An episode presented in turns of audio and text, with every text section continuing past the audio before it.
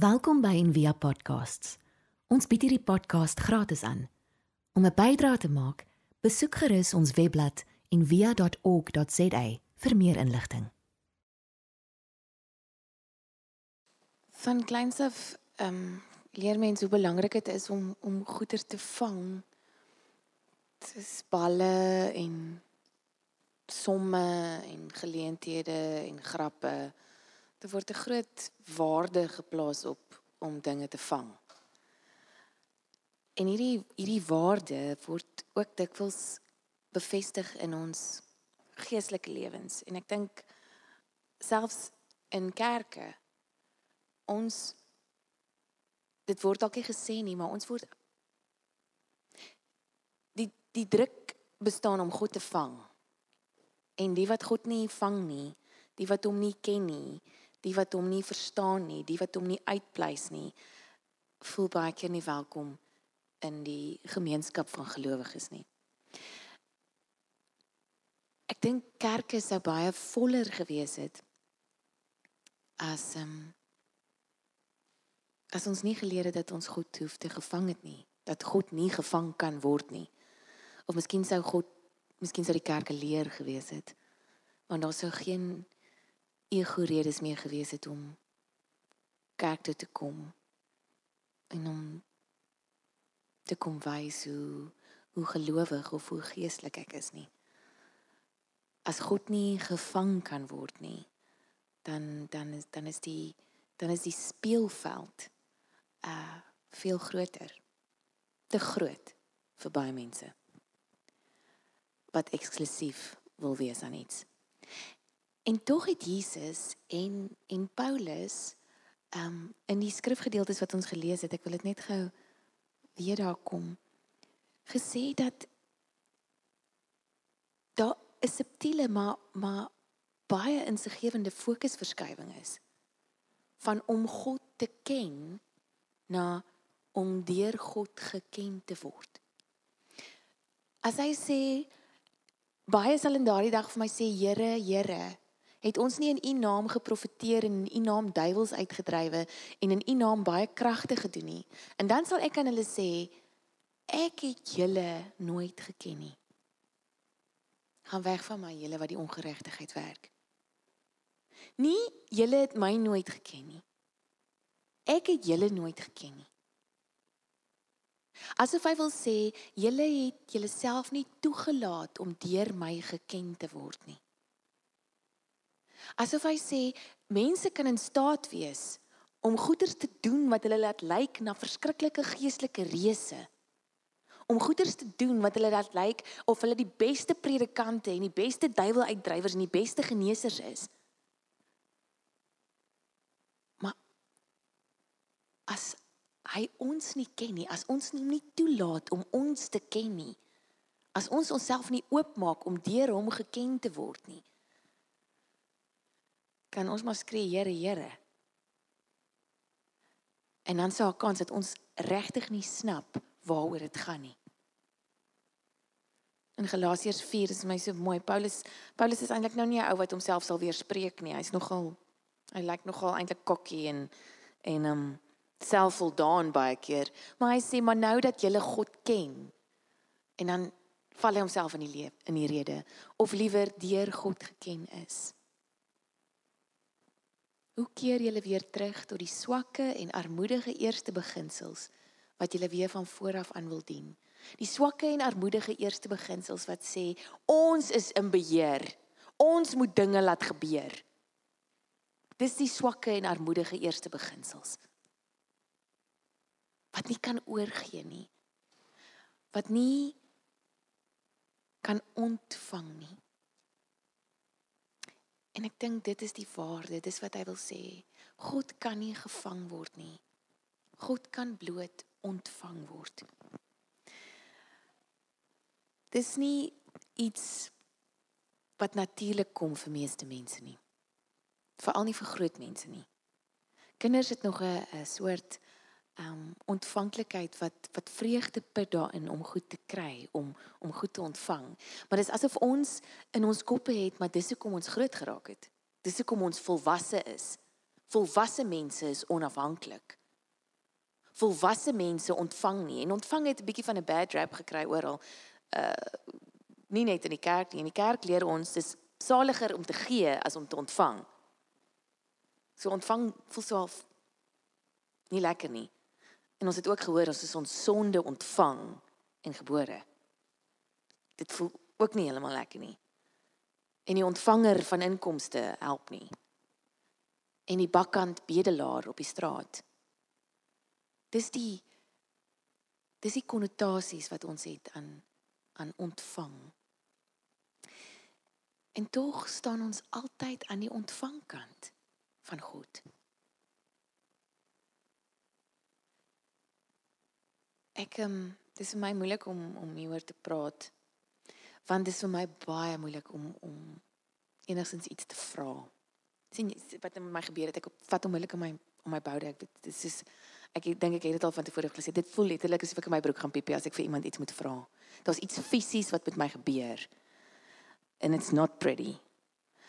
Um ek kon daar kon nie wag om vir die eerste keer te gaan waiter nie. Dit het gesak om klavier te gaan speel by restaurante. Dit het ook gesak, maar ek wou net my eie geld verdien sodat ek vir niemand hoef te vra vir iets nie, sodat ek niemand in die gesig hoef te kyk vir iets nie.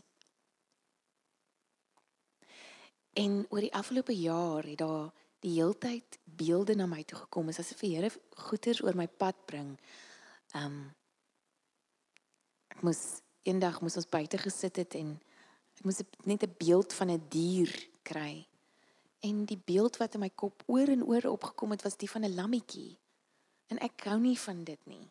Want dit voel nie ek voel like a strong woman of Africa. Geen my leeu of so so iets, maar lammetjie. En die ander woord wat die heeltyd oor my pad kom is bakkant. Um om bakkant te staan en dit dit dit krap my om. Ek weet nie wat om daarmee te doen nie. En tog weet ek dis die dis die uitnodiging. Ek wil hê julle moet vir 'n oomblik net so net so sit. Um en dan gaan ek net vir ons hierdie lees. Julle kan julle oë toemaak. Be silent.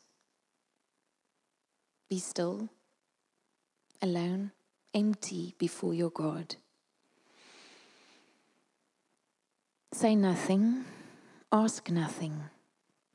Be silent be still. Let your God look upon you.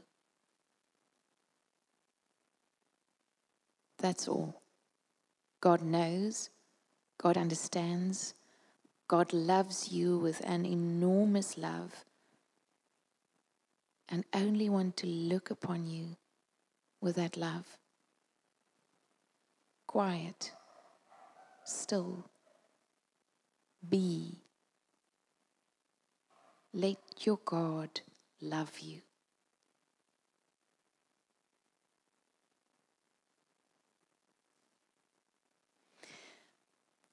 Wat wat gebeur met jou as jy daai woorde hoor? Let your God look upon you. Let your God love you.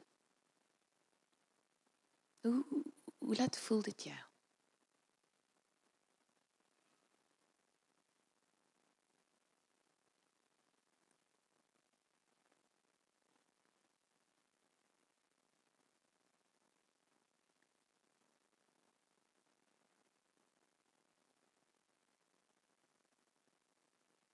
Want die meeste van die tyd is die fokus daarop. Selfs al al, al sit ons nou tyd uit. Ons is nou committed. Ons ons doen nou stilte tyd en wat wat.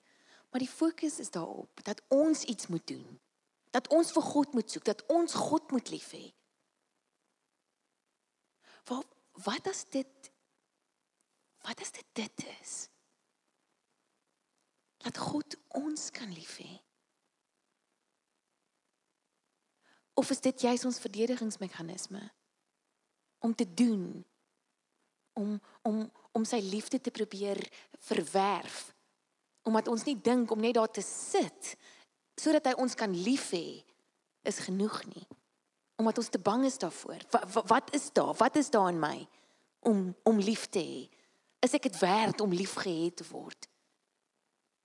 Mens kan mos nie so sit en niks doen nie. Niemand kan jou lief hê as jy so sit en niks doen nie.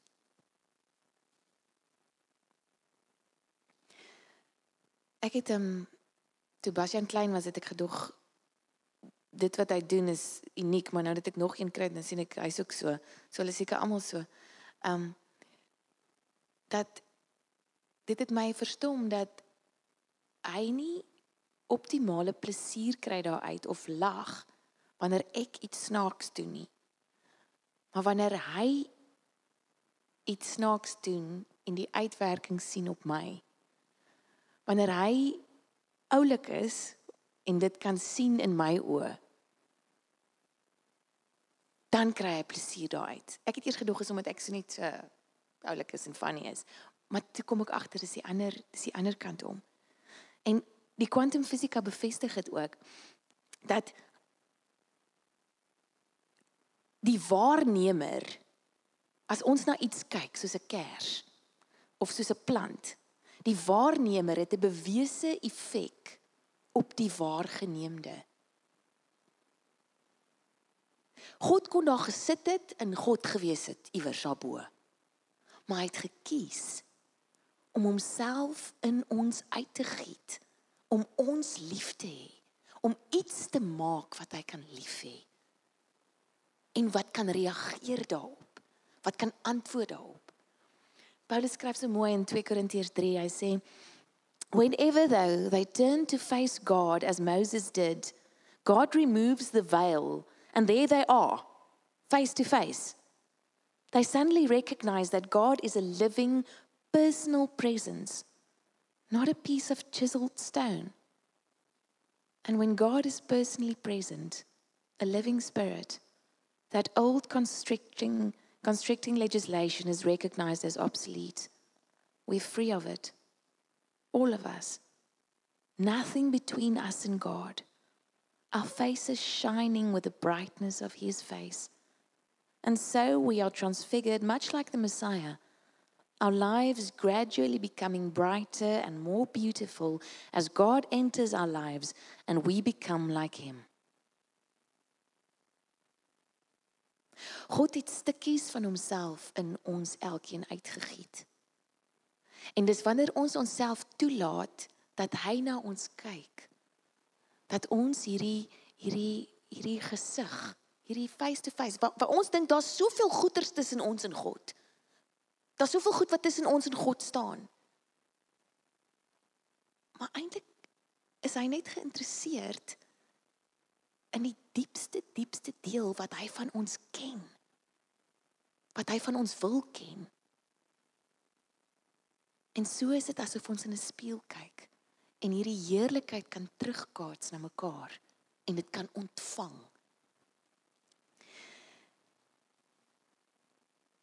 En dit kan net gebeur as ons teenwoordig is.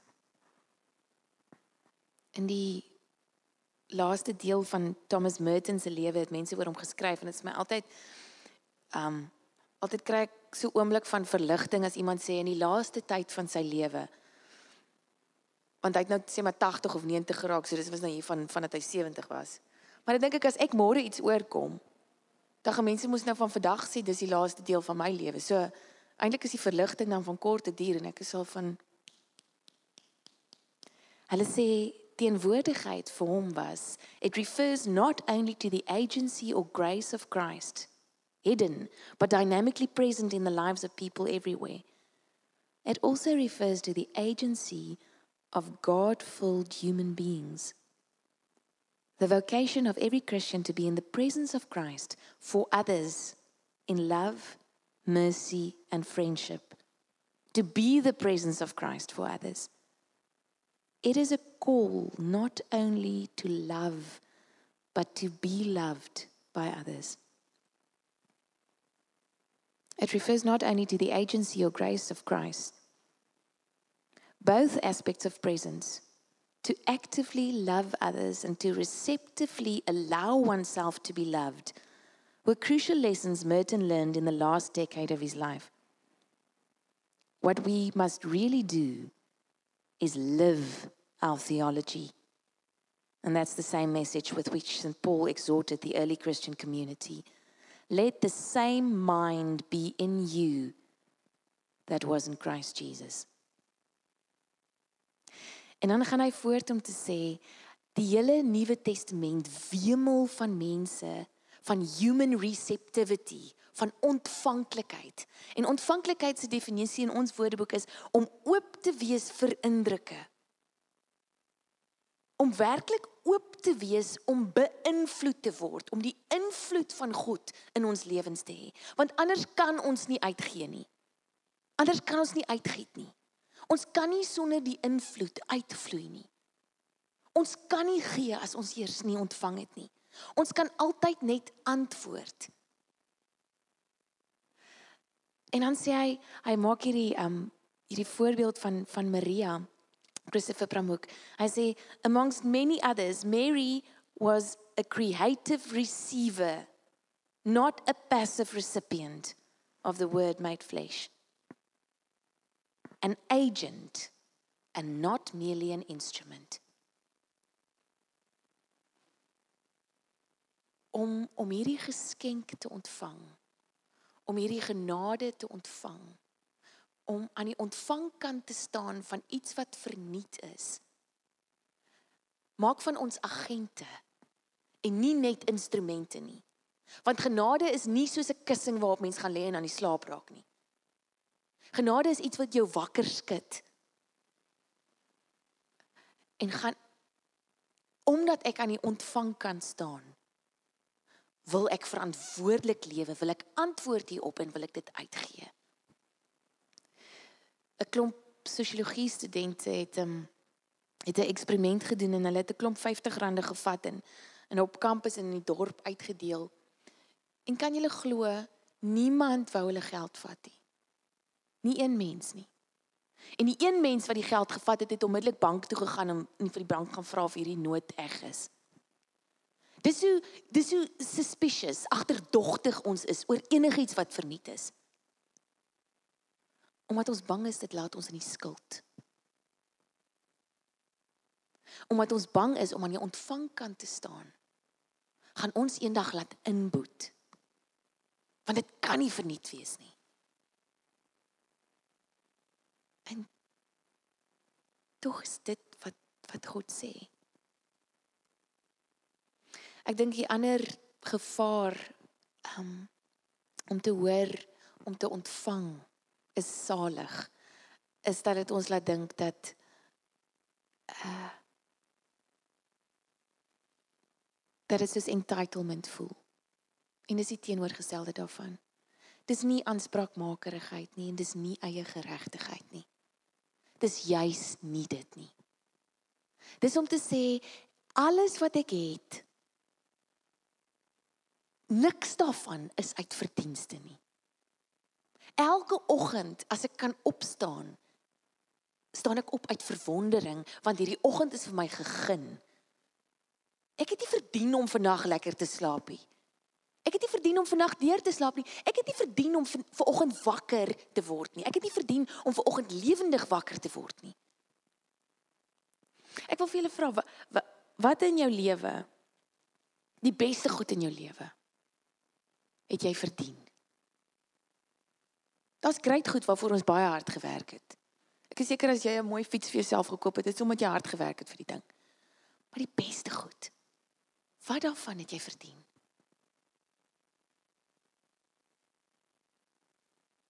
Daar's so daar's so 'n paar goed in my lewe wat ek elke dag aan herinner word. En een daarvan is um hierdie klavier. Vir vir julle is dit dalk soos ja, sy gaan sit net maar daar en sy speel. Vir my is dit nie so nie. Vir my ek weet ek kon nie klavier gespeel het sonder 'n boek met met met met bladmusiek voor my nie. Ek weet dit. Ek weet tot die datum wat ek dit nie kon gedoen het nie. En ek is een van daai mense wat bid vir 'n kar en bid vir dit en bid vir dit nie. Maar ek het vir die Here gesmeek of ek kan klavier speel. Net net net klaf, net speel. En ek weet tot vandag toe dis 'n gawe want ek het dit nie gehad nie. So elke keer as ek hier inskuif, is dit vir my soos 'n soos 'n heilige ervaring. Elke oggend as ek vir my man kyk of hy staan in die deur of hy kom in, dan weet ek vir hom het ek nie verdien nie. Op papier moes ek hom nie gehad het nie. Op papier wat, wat dit wat ek gedoen het op papier moes gemaak het dat my man nie daar is in my lewe nie. En tog staan hy daar. Hy stap elke dag daarin. Dis 'n genadegawe. Elke oggend as ek wakker word en ek is opgewonde oor die dag, dan weet ek eens op 'n tyd in my lewe lank terug, kon ek nie opstaan in die oggend sonder 'n pil nie. Ek kon nie. Ek kon nie die dag face nie. So elke oggend weet ek uit myself uit Ek is in staat om nie sonder pille 'n dag te face nie en ek is nou dieselfde mens. En ek is opgewonde oor oor dae wat ontvou. En dis nie my verdienste nie. As my kinders daar instap, dan weet ek op papier het iemand vir my gesê my kind gaan nie eendag gesond wees nie. Hy kind was nog nie 'n dag in die hospitaal vandat hy die tyd in ICU was nie. Nog nie 'n dag nie. My tweede kind moes ek eers gehad het nie. Op papier was hy nie my kind nie. En haar en en haar kruip hy in en ek weet vir jou verdien ek nie. Maar hier is jy. Die beste goed in die lewe staan ons aan die ontvangkant van. Hoe hoe bakkant terug dit ook nou al mag klink. Ek lees nou net iemand sê, um, hoekom vra ons? Hoekom hoekom vra hoekom is vra deel van ons gebede? Dis nie om te kry nie. Maar om onsself oor en oor te bevestig as die ontvangers in hierdie verhouding. To to to be in right relationship towards God. Soos Richard Rohr altyd sê, let God be done unto you.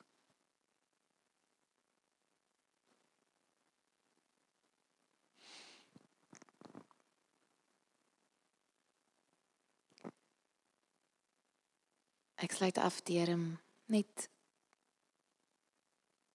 drie drie maniere te noem waar ons dink ek kan kan leer of kan oefen want dit is 'n dis 'n spiritual practice.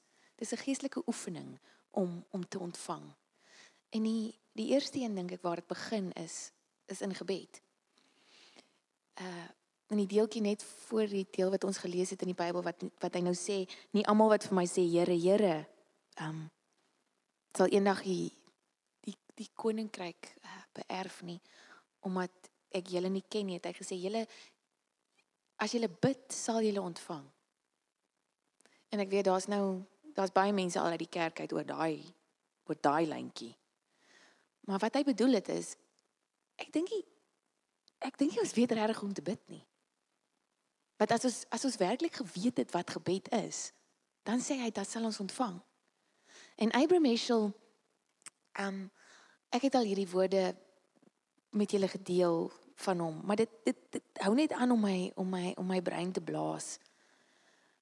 What the word and I praat oor gebed can no longer yield man achieves through the fullness of his powerlessness. The deeper the need in which one is placed through this powerlessness, the more does man reveal himself in his essence, soos hy kers and himself becomes expression. Prayer is more than communication, and man is more than the word.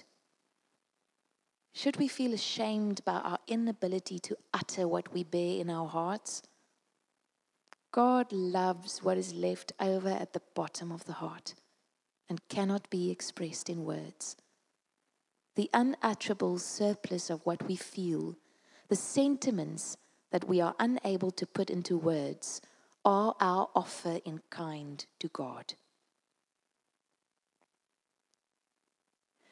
Mary Oliver said it by eenvoudig. Sy sê I know a lot of fancy words. I tear them from my heart and my tongue and then I pray.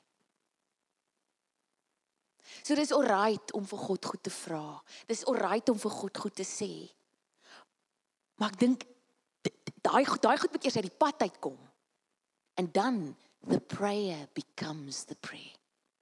Dan kan ons begin bid. Want God is lief vir wat oorbly op die bodem van ons harte. Dis wat hy wil ken. En miskien is dit nodig vir ons om al daai goeders wat bo op lê te express, om dit uit te kry sodat hy daai goed kan raak sien. Maar dis waar gebed begin. Die reste, die oorige, die surplus. Die goed wat ons dink is dalk nie die goed genoeg goed nie. Die goed as ons klaar is met al die fancy goed. So om aan, om aan die ontvangkant te staan van God. Om God te ontvang. En dan om onsself te ontvang.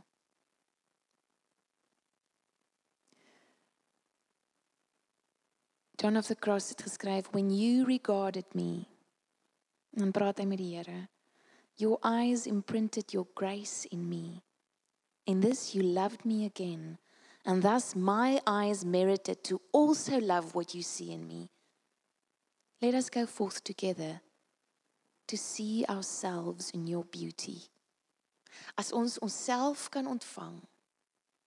As ons kan toelaat dat God ons ontvang om onsself te ontvang en dan kan ons uitgaan en mekaar se skoonheid, hierdie stukkies God wat God in ons uitgegiet het, ook ontvang. Asof van niets af. As jou man of jou vrou of of of jou mens of jou flatmate of wie ook al in die oggend instap in hulle pyjamas. Dan om te gaan ek weet wat hy nou gaan doen, hy gaan nou die ketel aan sit want hy gaan nou koffie maak en sy asem gaan nou so ruik en dit en dit en dit en so nie. Dis om mekaar te voorspel. Om mekaar te ontdek is om te sê ek weet jy het eintlik verander deur die nag. Al jou selle. Jy's nuut gemaak. En om mekaar van vooraf elke dag so raak te sien, om mekaar van vooraf te ontvang as gaste. En daarvoor moet ons dit eers met onsself kan doen. Ek sluit af met Michael Lunig se woorde. Hy sê en dit is my so oulik. Hy Hy verstaan so goed wat dit is om 'n mens te wees. Waar ek met myself praat, daai twee. Come sit down beside me, I said to myself and although it didn't make sense, I held my own hand as a small sign of trust. And together I sat on the fence.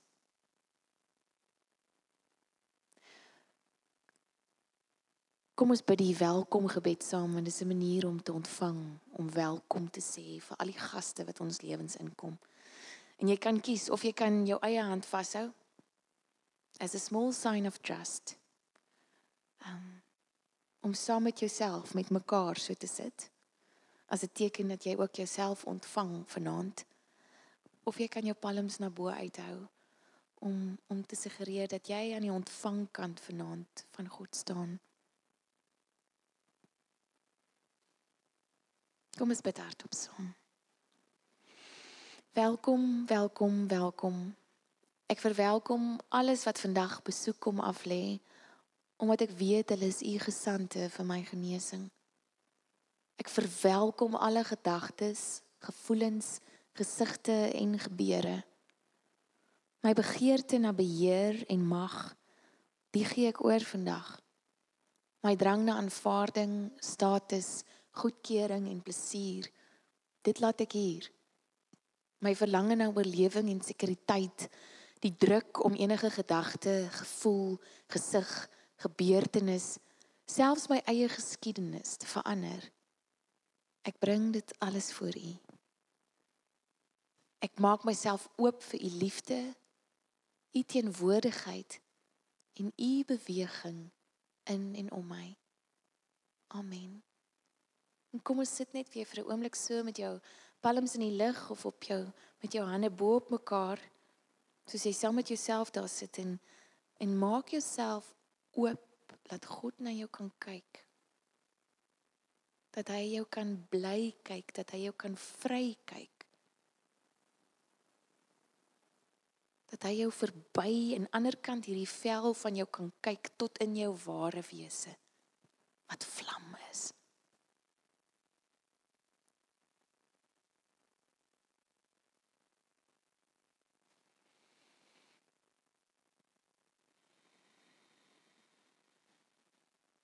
Laat jou God toe om jou lief te hê.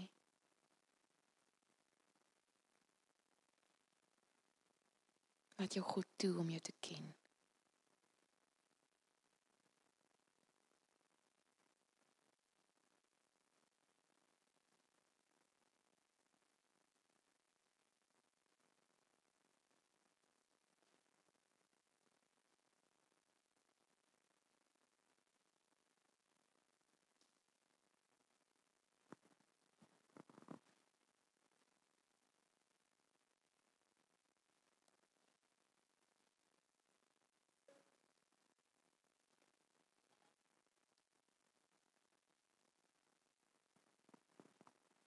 Amen.